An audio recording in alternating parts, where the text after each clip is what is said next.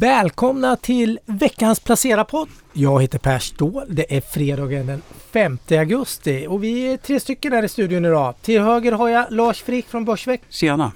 Är det bra? Mycket bra, mycket bra.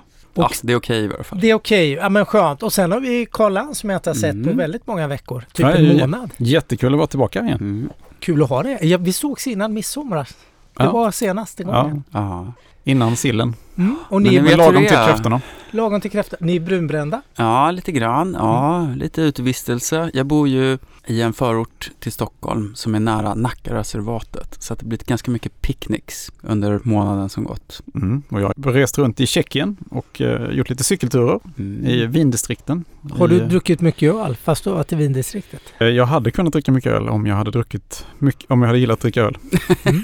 Ja, vi inga, jag tror ingen av oss är någon Men det är lite öldrickare. Karl Lantz signum, eh, förutom att vara sparsam med eh, sinnesförändrande droger, så är du också väldigt berest. Mm. Jag tror att Karl Lantz är den mest, näst dig då, möjligen, beresta medarbetaren på Placera. Vi gillar att resa, men idag ska vi resa inåt. Tänkte Inåt, jag. ja, lite inåt. Vi ska prata lite rapporter Ja, som har lidit mot sitt slut i Stockholm men Mm. eh, fortgår på andra sidan Ja. Atlanten och även i Paris. Det ska Mm. vi göra ett litet nedslag. Och sen ska vi prata lite stämning och sånt. Det var det jag tänkte med den inre. Lite hur Just det. investerar sentimentet Ja, hur känns nu? det nu? Känns, känns det bättre? Vi börjar, vad säger du Lars? Du, du har tittat på rapportperioden i Stockholm. Vad, vad tar du med dig? mitt övergripande intryck, det här, det är ju att vi har haft en eh, räntehöjning och många andra problem i ekonomin och nu liksom hit, försöker man hitta en ny baseline eller någon, någon sorts grund att stå på. För mitt, mitt, mitt intryck är att det har varit eh, en väldigt blandad rapport. Vissa bolag har fått igenom prishöjningar, kunnat föra vidare inflationen på kunderna. Andra har inte kunnat göra det. Så det har varit väldigt heterogent. Ofta ser man ju en, kanske en, eh, en tydlig trend att räntekänsliga bolag går ner tidigare kvartal. Fastighetsbolagen och bankerna och sådär. Den här senaste kvartalsrapporten har varit lite mer svårdefinierad. Jag tycker inte att det finns något jättetydligt tema faktiskt, utan det är väldigt bolagsspecifikt. Men jag tänkte på en sak. Det är bolagsspecifikt. Du pratar om pricing power du. Ja, pricing power. Det ja. säger ju alla bolag att de har pricing power. Mm. Du, du kan ju inte som VD sitta och skriva några VD-ord att du inte har pricing power. Nej. Det kan du väl. Det men- går inte. Ja, Nej, men det går. Du, inte. du ska vara en Ja, måste ambassadör för det. bolaget liksom och Mm. lyfta fram det. Precis. Men alla har ju Nu inte pricing power. Nej, så är det ju.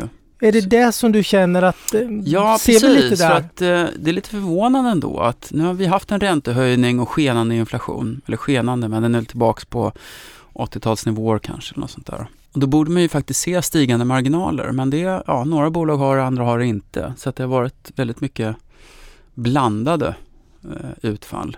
Och det kanske handlar om eh, till exempel kontraktstid. Eh, jag nämnde fastigheter tidigare, man tar stora byggprojekt. Så om det är fastprisprojekt så gör man ju dem och sen så tar det kanske 12, 18, 20 månader att få klart. Och under den perioden hinner mycket förändras. Medan snabbrörliga konsumentvaror, man tar tandkräm så är det ju liksom nästan momentan förändring i priset och så. Och så får man tillbaka liksom allt vad insatsvarorna kostar och sådär. Så delvis en sån effekt då. Men, men jag tror också att det här kvartalet har visat det företagen har kämpat lite grann att få betalt. Insatsvarorna har stigit jättemycket. Vad, vad säger vi om fastighetssektorn? Den har ju varit Ja. totalt utbombad. Precis. Man Index kom tillbaka jättebra nu i... Ja. Jag tänker på Carnegie Fastighetsindex kom Mm. tillbaka från bottennotering oerhört Mm. starkt under Mm. juli månad. Hur, Mm. hur känner du kring fastighetssektorn? Jag tycker det är intressant för att det, det är klart att man pratar ju ofta om overshooting, undershooting sådär att när, när vi inte vet var börsen är på väg så tar man gärna i lite extra då. Och nu i en negativ trend så blir det ju undershooting, att man har liksom helt släppt fastighetsbolagen. Nu har vi ju sett att fastigheter den sista månaden, de sista 30 dagarna har ju varit jättebra. Många är på vinnarlistan. Så där, där tog man i för mycket och det handlar väl om det gamla vanliga egentligen att man ska inte dra alla bolag över en kam. Några har ju svaga balansräkningar och då måste man också ta höjd för det. Men så finns det ju bolag som har extremt starka balansräkningar också som verkligen kan parera räntehöjningar och sådär. Eh, Och det är väl det vi ser nu, att de bolagen som kommer tillbaka tror jag är ganska balansräkningstunga sådär. Där kan nog finnas mycket att hämta fortfarande. För att det, Ja, vad säger du Karl? Vad, vad tar du med dig nu? Nu har ju de här amerikanska, både små och stora teknikbolag har ramlat in med, med siffror. Absolut. Man, eh, man eh, skiljer väl ganska mycket på eh, tillväxtbolag som gör vinst och tillväxtbolag som inte gör vinst. är väl den generella trenden. Men i detta, i denna djungel så ser man ju också en, en viss... eh, Ja men du ser till exempel ett bolag som Spotify som eh, där du då har en stark kundtillväxt nu. Som där du får en jätte, jätte, du får ett jättestarka kursreaktioner då i, i många av de här väldigt nedtryckta techbolagen då som går med förlust också. Marknaden tycker då att det har fallit lite för mycket helt enkelt. så det kanske är lite den här undershooting-grejen igen. Precis. Att, att man har kanske varit lite för tuff under våren och försommaren Ja. mot bolag som man är lite ja, försiktig med. Exakt. Och om man kollar på, på tech, de mogna techbolagen då så är det ju um, till exempel ServiceNow och, och Microsoft med. Man ser väl att liksom ledtiderna blir väl lite längre. Kunderna blir lite mer försiktiga här framöver. Eh, men det är fortfarande bra liksom. Så att eh, det är ingen, ingen ko på isen eh, på något sätt. Men det är, inte så här, det, är inte, det är inte så fantastiskt som det var förra året till exempel. Men sentimentet har ju uppenbarligen blivit lite bättre. Vi Mm. satt ju nu på redaktionen och tittade på amerikansk tioåring då. Är den lagging eller leading? Vi såg att den, den toppade någon gång 14 juni. Det var Ja. precis när börsen bottnade. Och Ja. Börsen bottnade några dagar senare då. 16. Och då hade Ja. faktiskt Det är eh, intressant hur ja, otroligt väl det sammanfaller. Det är liksom, allt sammanfaller och Mm. allt hänger ihop på något sätt. Men då Mm. amerikansk tioåring ränta var uppe i 3,45 och gått ner, var som lägst nere nu då i 2,60 handlas kring Ja. 2,70 nu då. Mm. Så den, är uppenbarligen den har haft stor effekt. Du pratar fastighetsbolag, mm. du pratar tech, det som är räntekänsligt på olika sätt och Ja. man ändå har en räntekänslighet. Vi har ju pratat om det här förut också, att är det liksom peak inflation nu, kanske till och med att vi är lite på baksidan av den. Det verkar ju så. Det vore ju fantastiskt och det, det verkar ju så. Oj. Precis, så det tror jag att det ger ju ändå lite grund för optimism och det är därför jag också tror att fastighetsbolagen nu kan, kan ha en ganska bra period. Att, att eh, den här skenande inflationen och risk för räntehöj, ytterligare räntehöjningar och så vidare nu börjar klinga av. Så att, Mm. Och det kommer nog vara ett viktigt tema för börsen i höst. Tror ni att det är ett, ett litet bear market rally som vi har pratat om mycket Mm. eller Mm. ja, är det botten som är nådd? Ni pratar att inflationstoppen kanske Mm. är nådd. Eh, Vad, Alltså vad, vad man- känner ni? Alltså om man kollar på, på många enskilda aktier som jag följer så tycker jag att eh, om man ska liksom gå på teknisk analys då som, eh, så tycker jag att man ser väldigt, eh, jag tycker det ser ut som att det, det skulle kunna, att vi har sett botten så att säga. I dem, Jag att tror man också, ser- mm. också det. Jag tror mer att den här återhämtningen vi ser nu är, är uthållig. Jag kanske är lite för optimistisk men jag tror att, att vi tog ut så mycket tidigare här i början av året, första halvåret. Vad tror du själv? Per? Nej, men jag är inne lite på det Mm. och jag är inne på två andra anledningar. Det, har, det håller på att göras två stora reformer i USA nu. Mm. Vi har den här Green Deal. Den blir mindre än vad det var tänkt men den har legat Men den är ut. stor. Mm. Den är fruktansvärt. Det blir alltså stora pengar när det är amerikanska mm. pengar in, Mm. inne på något sätt när det är dollar och så. Det är ett stort land och så. Den har ju precis i princip klubbats igenom eller på väg. Den är Mm. inte lika stor men den är oerhört stor. Vilket kommer att stimulera även som man gör nu i EU då, den här gröna omställningen då, får den att accelerera. Och sen har man samtidigt gjort den här halvledarreformen nu, att man vill ta hem Precis, mycket halvledare är jätteintressant. du vill ta hem produktion och du vill ta hem mycket forskning och utveckling.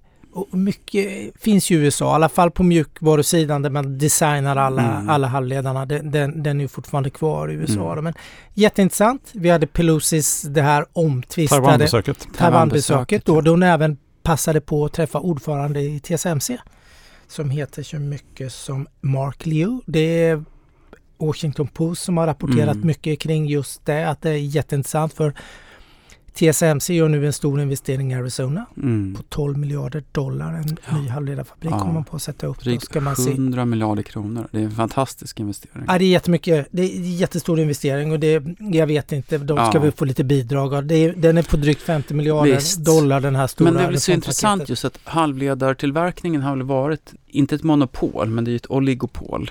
Även produktionsmässigt, att det finns väldigt få anläggningar för sådana enorma skalfördelare så man måste go big or go home. Att man nu bygger en ny i USA, det är ju verkligen en, en jätteförändring. Ja, och det driver mycket mycket investeringar och mycket tillväxt. Och jag tycker Mm. lite att man har gjort de här amerikansk tioåring då har ändå på något sätt lyckats eh, falla. Mm. Eh, trots att det här har man ju kanske inte finansierat rakt av med pengar som man har sparat då. Nej. i amerikansk eh, vanlig ordning då utan det ska finansieras på olika sätt. Dels är det väl skattehöjningar är det väl tänkt Mm. på vissa delar men, men eh, det kommer ändå kosta Mm. när man gör reformer, det vet vi. Eh, Jätteintressant att marknaden inte har reagerat mer negativt med att handla upp eh, amerikanska räntor och hela den här biten då. Men jag tycker det är jättespännande och kanske en sånt där grönt skott som gör att det kanske är lite uthålligare. Mm, så halvledarbranschen ska man hålla lite utsikt på. Ja men den driver ju mycket. Och samma med energi också, det har vi Energi. tjatat om. Men, Ja.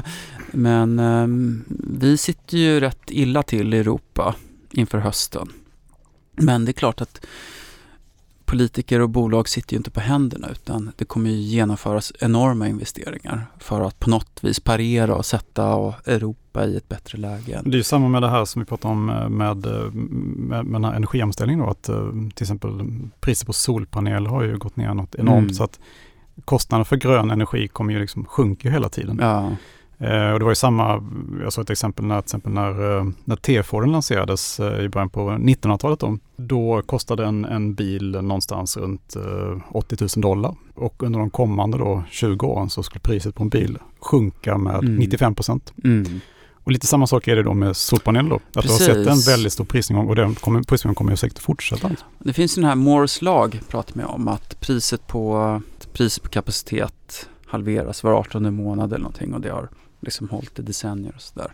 Och tydligen solpaneler har haft en än mer exceptionell prisnedgång i relation till kapacitet än vad halvledare har haft. Så att eh, nu är det ju verkligen billigt. De är bra. Jag tittar ju själv då. Jag har lite spekulant på solceller. Ja, exakt. Lite spekulant på solceller och inser att det, det är fantastiskt prisvärt. Man kan eh, köpa ett paket med någon cellerna, transformator och kablar och en liten kontrollcentral och sen är det ju lagringen förstås då, som fortfarande är lite problematisk och det är väl i princip beror på vilken lösning man har. Båtbatterier eller lite större typer av batterier då, som är ganska dyra.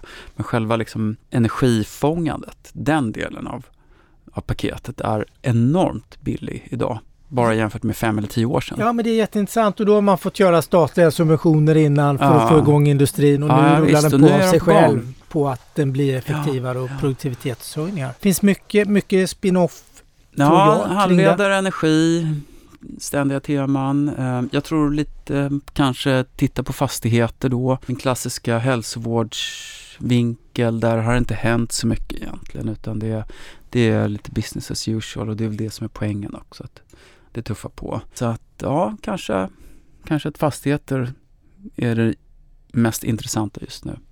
Lars gillar fastigheter, Karl gillar lite tech och jag gillar allt för jag tror att allt kommer att bli lite Ja. bättre med, med stora reformer Med Pelle. och mycket investeringar. Du är ju lite en, den, en, den glamorösa delen av redaktionen här. Mm. Hur Det går det lyx- för lyxmannen. lyxbolagen? Åh, jag är så glad att ni frågar. Det kom rapporter förra veckan. Alltså de var ju vrålstarka, slog konsensus.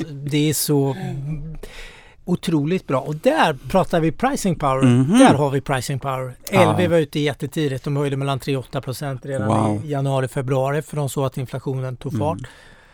Har alla, höjt, alla har rekordnivåer på marginalen utom kring men de stora RMS, LVMH, marginalerna Wow. är Wow. mm, enormt stora och tittar vi Hermes fall eh, ligger man över 40 procent nu rörelsemarginal. Då Fantastiskt. pratar vi technivå där. Mm. Mjukvaru-tech. Verkligen. Nu pratar vi handgjorda väskor liksom. Ja, Mm. Ja, ett 40% rörelsemarginal. Jag menar ett, ett riktigt, riktigt bra läkemedelsbolag ligger ju kanske på 35 plus procent. Då. Och det anses ju vara den kanske mest lönsamma branschen i världen. Så 40 procent är fantastiskt med ett sånt högt produktionsvärde i, i produkten. Då. Så att, ja, ja pricing jättespännande. power. Jag tittade lite på helårsestimaten. Det är hyggligt lätt att klå dem Mm. eh, under andra halvåret Mm. i år. Man behöver inte ha den här försäljningsväxten. Nu låg man Mm. runt mellan 23 och 28 procent i försäljningsväxt. Du behöver inte ha den på långa vägar Mm. nu bara för att kunna komma upp då till estimaten, försäljningsestimaten som ligger nu då för helårssiffrorna. Då. Så det är liten lågt hängande frukt och det inte blir total recension och det blir någon total kollaps i efterfrågan nu. Den ser god ut.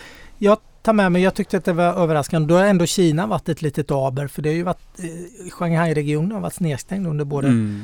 april och, och maj vilket Mm. har gjort mycket att de här leverantörskedjorna för alla typer av bolag såklart har, har varit så ansträngda. Och där känner jag ett annat grönt skott. Jag vet att du tittar på fraktpriserna som har sjunkit som en sten får man väl säga. Ja, det är tillbaka liksom för, eh, för pandeminivå här då. Mm. I alla fall frakt mellan USA och Kina då. Att, eh, det är, Det är ju fantastiskt. Ja, och Det det är är jätteviktigt. inf- tror jag. väldigt inflationsdämpande helt klart. Oljepriset också faller ju kraftigt Just tillbaka energipriserna. för, eh, för pandeminivå, eller för krigsnivå är det tillbaka på. Även vetepriserna är tillbaka för nivån före kriget. Jag tänkte på det, jag åkte runt mycket, i- bilade runt mycket i Tjeckien och Tyskland här ju. Och eh, jag till att man har odlat upp, EU, vad kriget bröt ut så sa man att man skulle odla upp mer ytor också. Och det var väldigt tydligt i östra Tyskland att man har verkligen tagit ängar och sådär och odlat upp eh, Ja. mer ytor alltså. Och det måste ju vara inflationsdämpande så att säga när den här skörden kommer då. Mycket solrosor har man odlat. Eh, Som jag inte har sett tidigare. Märkte du någonting om nu, jag vet att du har goda vänner där nere i de där regionerna. Pratar man mycket om att det kan bli en kall vinter? Är man orolig för gasleveranser och den här typen av frågeställningar Ja. som vi läser mycket högsta, om? I högsta grad är man väldigt orolig för det. Många har ju då köpt sådana här elaggregat istället. Eh, problemet är att om alla skulle börja ha sådana här elvärmeaggregat på gång, igång då så skulle ju elnätet kollapsa. Liksom. Så att då är man orolig för det å andra sidan. Visst, det finns en jätteoro för att, eh, att gasen inte ska räcka då. Men å andra sidan, företagen då har ju sagt att de kan ju spara ganska kraftigt på, på eh, sin gaskonsumtion. Då. Mercedes var ute och sa att vi, kan ju, vi kommer halvera vår gaskonsumtion här bara genom några eh, smarta omställningar. Liksom. Ja, det fan... Så det finns, finns jättemycket att göra där. Liksom. Ja, jätteintressant för att nu finns det ett genuint incitament att vara lite smart. Jag vet till exempel förr i tiden, så här, om man bodde särskilt i ett hus då, så kanske man hade hög värme i köket och så fick det vara lite svalt i vardagsrummet och sådär. Och det var bara så det var. Nu har vi liksom haft en generation här vi har vant oss vid att vi ska ha ett tempererat klimat dygnet runt, varje, oavsett vilken temperatur det är ute och så vidare. Mm. Att nu kanske man börjar liksom förstå att det är okej att ja, sänk värmen lite grann och ta på sig en ulltröja. Mm. Tysklands största hyresvärd ska ju sänka temperaturen på natten då till Ja, eller hur? 17 grader. Ja. Eh, så att, eh, Jätteenkelt. Ja, jätteenkelt. Low hanging fruit. Mm. Liksom. Jag kan faktiskt dra en, jag har en erfarenhet av det här. Jag bodde i England i slutet på 90-talet. Ja, var det där Där kallt. gaspoletter och grejer? Ja, det, vi hade inga gaspaletter, men det, det var nog lite före. en, en Så gammal är jag inte Lars. Jag bodde där när de hade gaspoletter. Men det var gasuppvärmning. Och redan då, det här var ju typ slutet på 90-talet, redan då var det ganska avancerat system. För man kunde dra ner värmen dels under natten när du Mm. sover, vill du ha lite svalare. Mm. Och sen kunde du, det gick att stänga, det var ganska raffinerat. Mm. Även under tiden när du skulle vara på Precis, jobbet. när man är på arbete, precis mellan Då- 9 och 17. Precis. Varför ha liksom hög temperatur hemma då? då? Så får man Och sen liksom... kunde du ha lite längre på helgerna då för då är du hemma mer och sådär. Så det, det var ganska sofistikerat och jag känner att det går säkert att göra jättemycket på den här Mm. Precis. produktivitetshöjande åtgärder som Ja. du säger. Har man lite kniven på strupet som man ändå Som har har nu då, nu. Ja. så d- och, då kommer det fram smarta lösningar också tror Så, jag. samtidigt tror jag att det där, det där förmodligen kommer det inte vara någon, eh, alltså ingen kommer utan gas förmodligen i Tyskland i vinter. Liksom. Det är snarare så att priset kommer att vara väldigt högt och det kommer att bli, det som, de som verkligen kommer att drabbas och som redan nu drabbas, det är eh, länder i, på tillväxt, tillväxtländer helt enkelt. Mm. Eh, där gasen är så dyr då, den flytande naturgasen är så dyr så att de inte har råd att köpa den längre. Det, det, det, det, där- det där är det riktiga problemet. är. Ja, här har vi ju en, ehm, också en bra vinkel för podden tycker jag. Att I Europa så här, det är tufft men vi kommer klara oss. Samma sak i USA. Men för tillväxtländerna är det väldigt, väldigt annorlunda. Ja. Att energi är redan jättedyrt Ja. på tillväxtmarknader. Och, och det är redan... Och nu kommer det bli helt vansinnigt Jag har liksom från Bangladesh eh, rapport om att de, elnäten eh, får stängas ner och så här, för de har inte energi helt enkelt och, och, och köra generatorerna liksom. Mm. Det, alltså det finns, finns jätteproblem för de har inte råd att köpa gasen helt enkelt. Nej. Det finns inte tillräckligt mycket. Och sen i Tyskland också, man kommer ju då att det är väldigt diskussion om att förlänga då de kärnkraftverk man har kvar. Och kanske till och med då starta, Mm. starta igång dem och priset har lagt ner också. Men eh, det, det är de, det är mer en politisk fråga då om förstår rätt. Rent eh, säkerhetsmässigt skulle det inte vara några Mm. problem. Liksom. Men förmodligen kommer det också som ett tillägg här.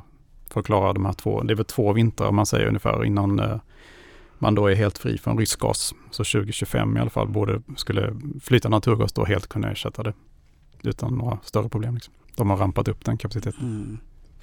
Ja, man lär sig nya uttryck så här genom åren. När jag var ung, då pratade man om vad heter det, oral galvanism eller någonting. Man var rädd för amalgamet, att det skulle skapa någon sorts Man, strömmar man i blev hjärnan. Då. korkad liksom. Och nu vet alla vad LNG är. Det är Mm. liksom Mm. common knowledge.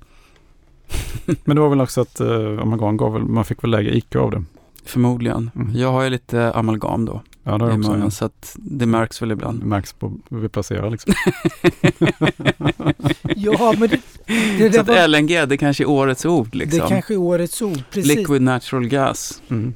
Har ni gjort någonting i era portföljer nu då när den här, det här lilla rallyt vi har Ja, haft alltså nu? jag har ju Mm. tagit rygg lite på det Frick sa här och eh, köpt lite fastighets... eh, Jag har ju fortsatt att köpa världens största logistikfastighetsbolag som heter Prologis. Amerikanskt bolag som jag tänkt i min superlånga portfölj. Mm. Eh, Någon som jag aldrig ska sälja.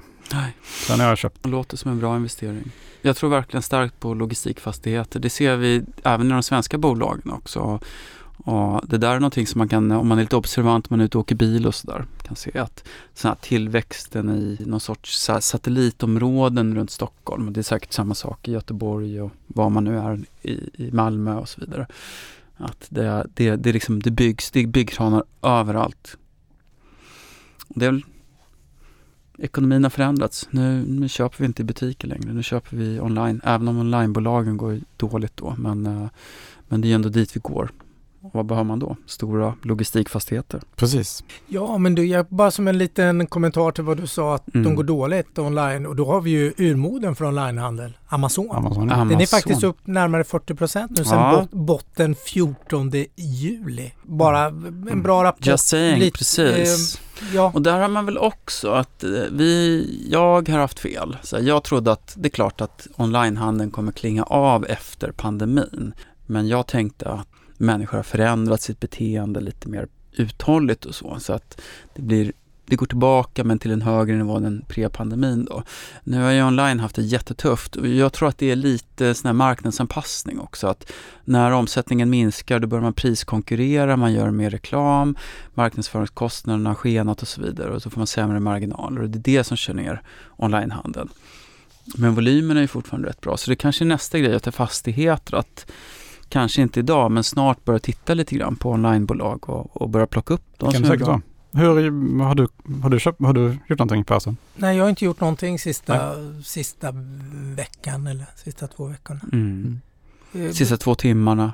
Nej, jag är så långsiktig, det vet du. Har du köpt fastighetsbolag nu då? Du pratar ju så Jag är varmt rätt om det. sugen. Ja, verkligen. Vi har ju hyllat några fastighetsbolag här på Börsveckan som jag tycker nu kan bli lite intressant. Så jag har inte gjort någonting. Vad ska jag köpa om jag ska köpa ett fastighetsbolag? Vad, vad, vad tycker du? Vad säger du? Vad säger du? Per, köp det Ja, här. specifika aktier skulle jag egentligen vilja hänvisa till mina kollegor då, Peter Hedlund och Gabriel Iskander som kan de här mycket bättre än jag. Då. Det finns ju logistikfastigheter har vi skrivit om för några veckor sedan till exempel.